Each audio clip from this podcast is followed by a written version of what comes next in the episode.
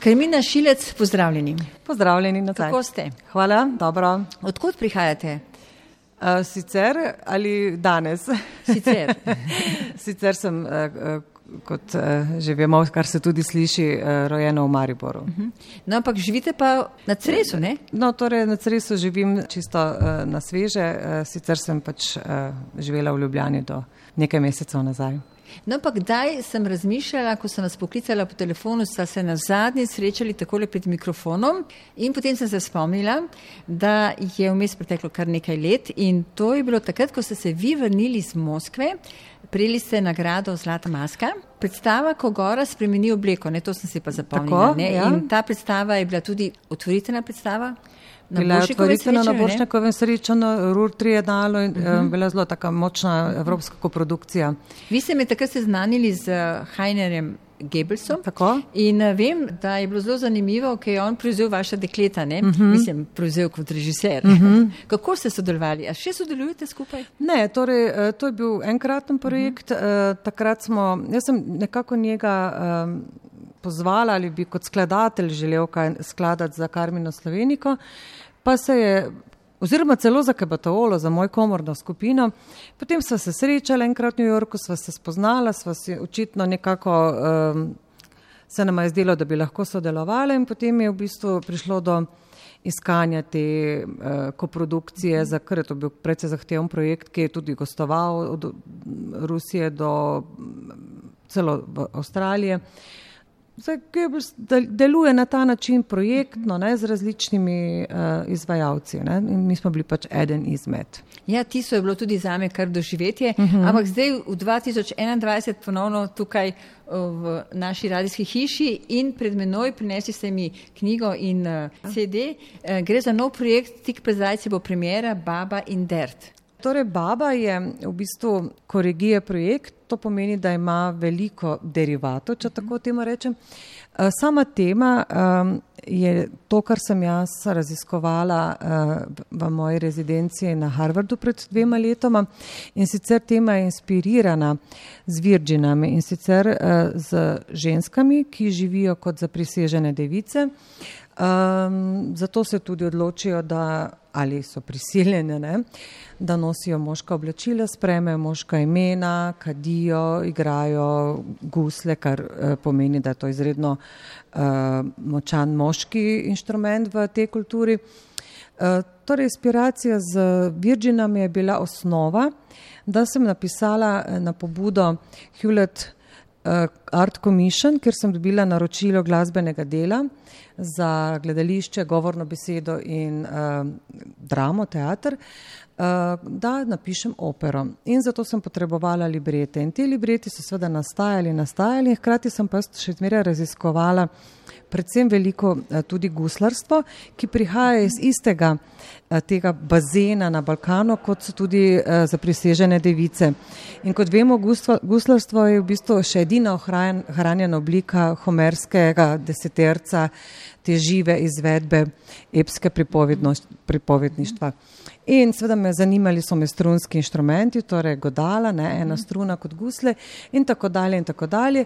In nastale so uh, pesmi, besedila, ki so pripravljena za uh, uglasbitev. Ampak, ker pri guslah velja, da je zanimivo poslušati zgodbo, ki jo pripovedujejo različni guslari, zgodba pa je ista, sem povabila uh, k sodelovanju Telo Turka, to je ena zelo zanimiva finska skladateljica, ki je napisala cel album del na ta besedila. Vaše besedila. Tako, ta besedila. Zdaj, tale album je uh, tudi že izdan v obliki CD plošče, pa tudi na vseh teh online platformah, Spotify, iTunes in tako dalje. Uh, kar je zanimivo pri tem dert endemičnem pesmi, pri tem CD-ju je to, da je on v celoti nastal v času uh, karanten. Kar pomeni, da se ansambl za nekatere skladbe nikoli, nikoli sploh ni srečal živo, da so vse izvajalke izvajale stvari doma, same posnele na mobilne telefone in potem smo to kar nekaj mesecev montirali in meni se to zdi izjemno eksperimentalno in tudi zahtevno, hkrati pa tudi en um, testament uh, časov, v katerem uh, smo bili, pač upam, da več ne bomo. Ne? Uh, skratka, drug del, druga plošča na, tej, na tem dvojnem albumu so pa ostale pesmi, ki pa še niso bile skladane in izvedene, brane, izvaja jih pesnica Neška Štruc. Zdaj, baba, to, to je samo en del babe. Ne? Drug del je pa v bistvu knjiga, ki je nastala prav tako iz vseh teh raziskav in ima dva dela. En del je kolosalna balkanska fikcija, drug del je katalog. In kolosalna balkanska fikcija je v bistvu zbirka enih portretnih zgodb žensk z Balkana. In to zbirko smo tudi posneli kot uh, eh, 12-urno zvočno knjigo.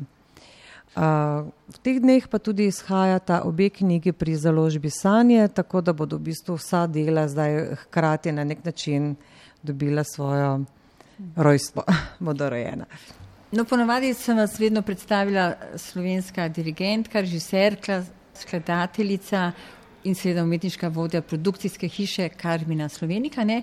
pa tudi novo glasbenega gledališča in uh mhm. -huh. festivala, ne? Koregije in pa seveda to ste že omenili, ansambl Kebatola. Ne? Rekli ste, da ste pisali ne, eh, tekst, to pomeni, da večkrat tudi vse napišete. Sem že izdala eno knjigo Nolite Tacere leta, mislim, da 2012. To je bila ena knjiga uh, esejev, uh, prevedeno, Nolite Tacere, prevedeno v glasbo. Uh, Ta oblika pisanja, kot sem jo zastavila v teh dveh knjigah, je pa seveda eh, bistveno drugačna. Nolite Tacer je bila nekako bolj eseistična, vezana na glasbo, vezana na moje delo. To je pa um, vsaj prva knjiga, balkanska fikcija, res uh, popolna fikcija. To so zgodbe, ki bi sicer lahko bile resnične, ker vse stvari, ki jih v njih vidimo, so. Um, stvari, ki sem jih znotraj raziskave zasledila. Ne, to so res dejstva, čeprav so včasih zelo mejna in srhljiva, ko beremo te stvari, ampak kot rečeno, so zgodbe popolni uh, fikcija. No. To, to se mi pa zdi, da je bila prva izkušnja v tej smeri uh, in um, se mi zdi, da je to obdobje uh, Harvarda, ki je bilo predvsem usmerjeno v raziskovanje in zdaj je to obdobje, uh, ko smo bili pač v tem lockdownu, nekako prav dobro botrovalo temu, da sem to knjigo naredila, ker je tudi v bistvu precej eh, obsežna, pa tudi dotika se tem, ki so potrebovali res veliko moje pozornosti. Koliko zdaj že vodite to vokalno glasbeno gledališče? Koregije vokalno gledališče smo, mislim, da ustanovili leta 2009, to je bilo nekaj pred eh, Evropsko prestolnico kulture. In to je tudi ansambl, ki je uh, posnel to ploščo, uh, produkcija je pa Karmina Slovenika.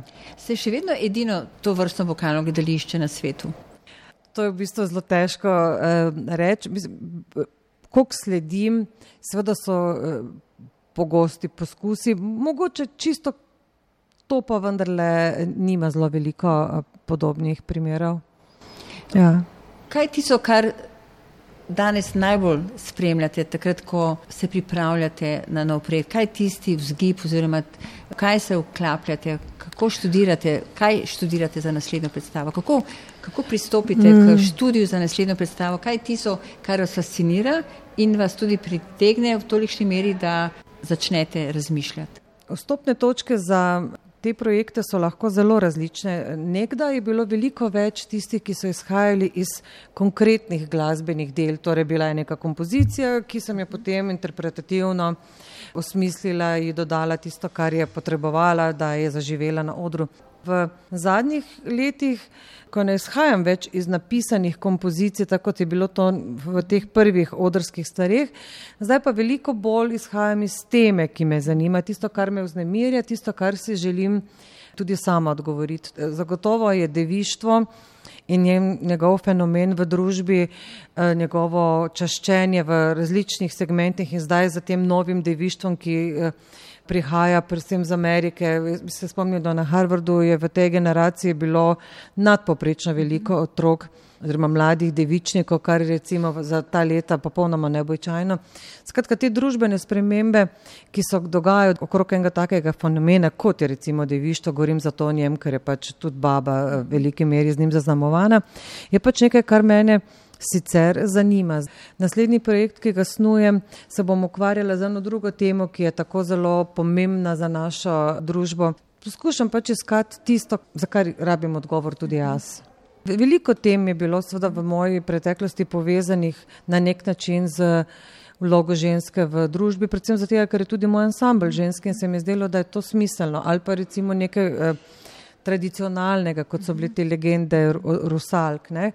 Toksični psalmi so spet zaorali v času, ko se je zgodil ta Charlie Hebdo v Parizu, če se spomnimo ti umori ne, za voljo religiji. Moja postavitev Favela je bila v času, ko se je ustoličeval Trump, kar je recimo vedno nekako korespondiralo z temi premiki v družbi.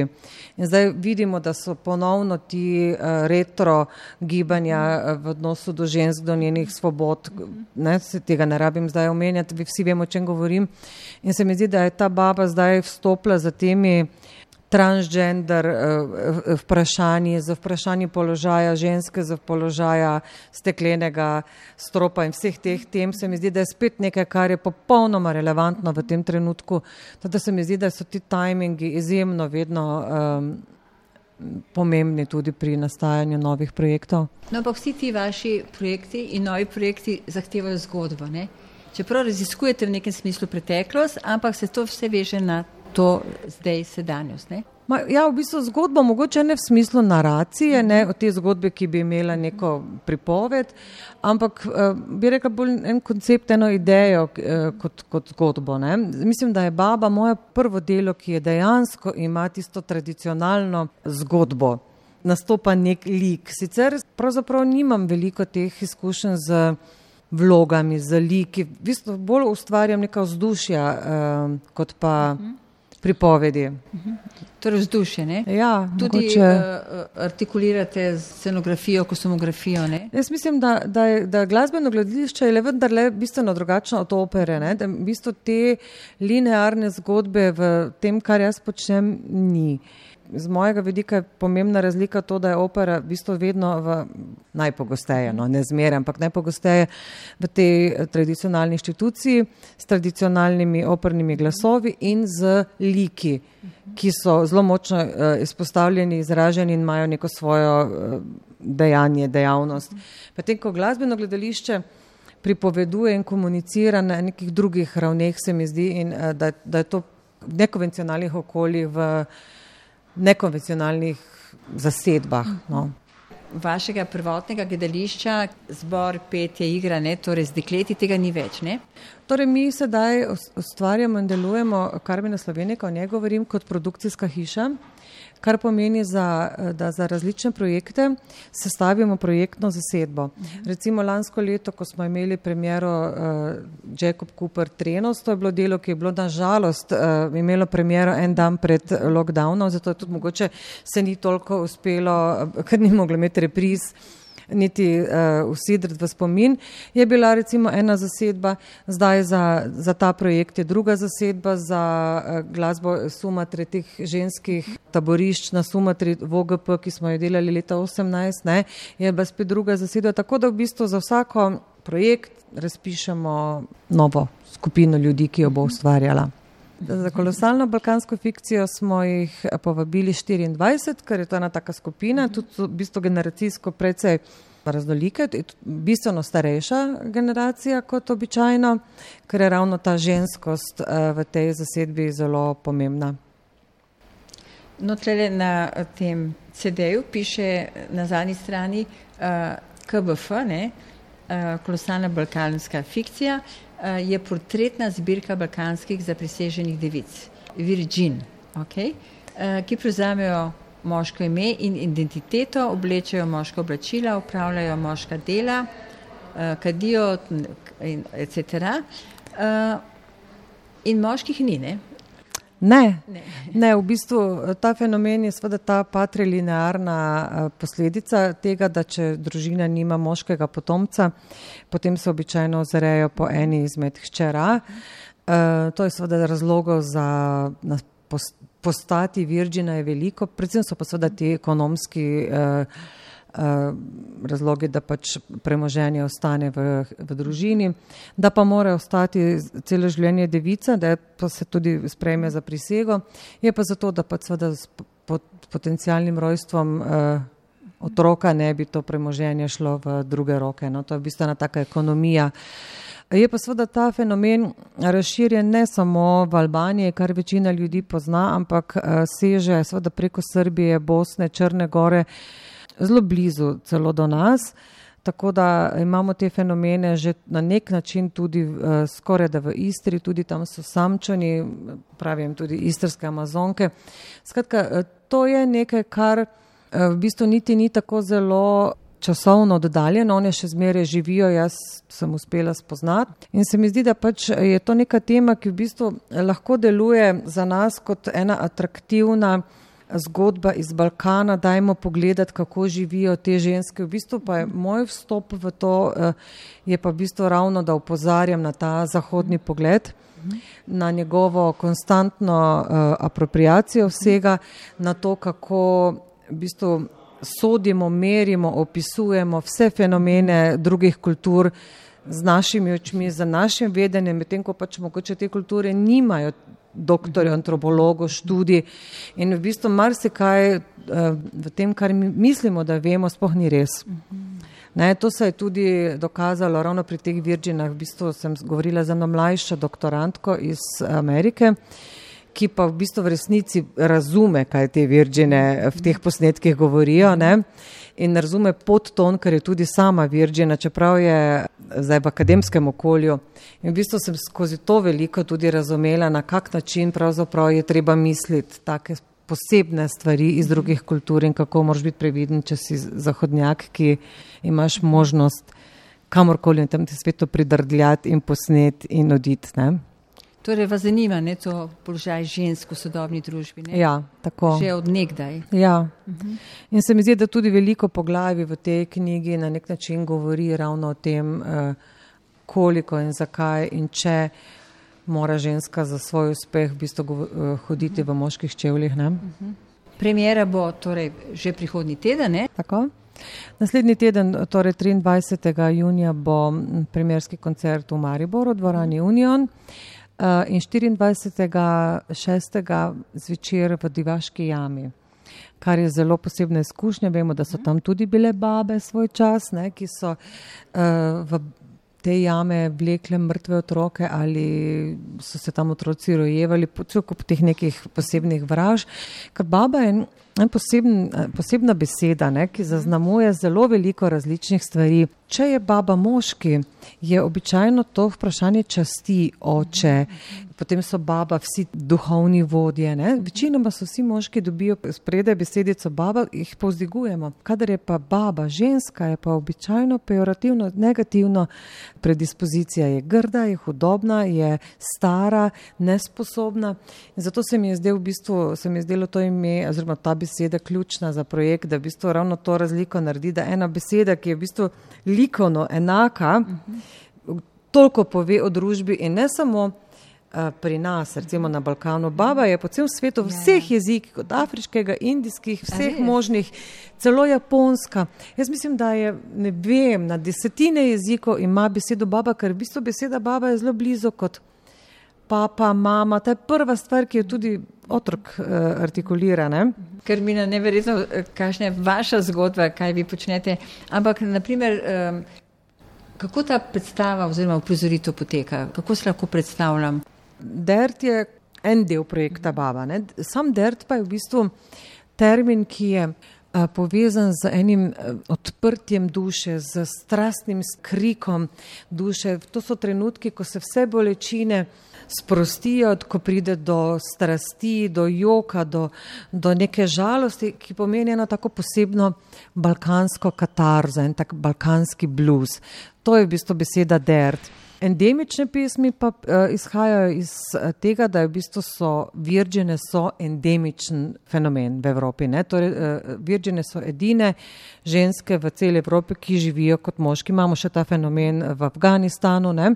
ampak uh, v Evropi so virgine edine, zato se mi je zdelo, da je endemične pesmi, pesmi njih ker se veliko Virgin ukvarja z glasbo, kar je zelo tudi spet pomembna stvar, ne, ker vemo, da ženske so običajno bolj um, prehodih življenjskih glasbeno odestvujejo, ne javno, ne, torej pri rojstvih, pogrebih. Pogrebi so pomladi za ženske, tam ženske cvetijo, ne, vemo v teh, teh kulturah pri rojevanju, pa mogoče še pri nekih drugih življenjskih prihodih, vse, kar je pa javno, pa je, povezano, pa je v bistvu vezano na moško izvajanje. Ne?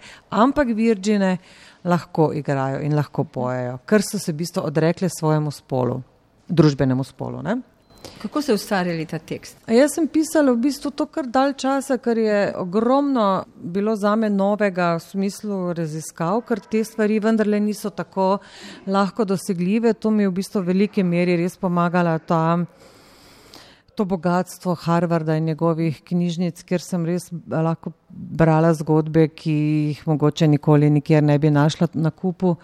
Tako da, um, ja nastajalo je kar ene tri leta vse to skupaj, kar je v bistvu logično, glede na to, da je to področje široko, ne, da ne gre samo za etnografijo, da gre za antropologijo, sociologijo, veliko je tudi vprašanje teorije spolov, ne, vemo, da je ta cross-dressing, preoblačenje v bistvu potrebno raziskati.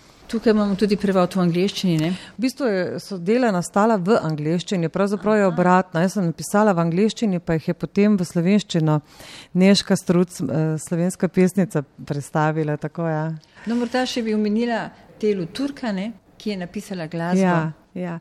Torej, eh, mi smo že izvajali nekaj del Telu Turkan, to je v bistvu ena zanimiva avtorica, ki je mogoče malo se bolj nagiba k novemu izvajanju ljudske glasbe, v bistvu je v to smer in tudi ti komadi so v bistvu zelo zanimivi, čeprav so teme, mi jih slišimo kot težke, temne, ne, te balkanske, ta, ta, ta neka oblika težkega, nemega kola. On jih je po bistvu postavljal čizven tak um, irsko, švedski en tak uh, štimung in to se mi zdi zanimivo, no, da v bistvu isto zgodbo nekdo pove drugače z svojimi besedami, ne, svojim, svojo glasbo. No, zdaj se mi je odprlo na strani, eh, kjer je naslov pod limonovcem. Zakaj ste se zasmejali? Ste ravno to. Kaj je bilo tisto tukaj, ta vzgib, da ste, da ste to napisali? Ko sem začela razmišljati o tem glasbeno-scenskem projektu, uh, s to temo.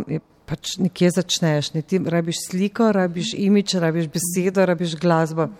Jaz rabim, jaz rabim besedila, jaz moram začeti skladati. Jaz sem imela tam na mizi vse inštrumente, jaz sem zgradila cele neke no, nove oblike uh, električnih gusl, sodobne, ki se, ki se vklapljajo v neke modifikatorje zvoka. Skratka, ne, to je ena taka sodobna glasba. In potem sem začela si pripravljati uh, materijale, besedila in imidže ustvarjati in slike in pač pride.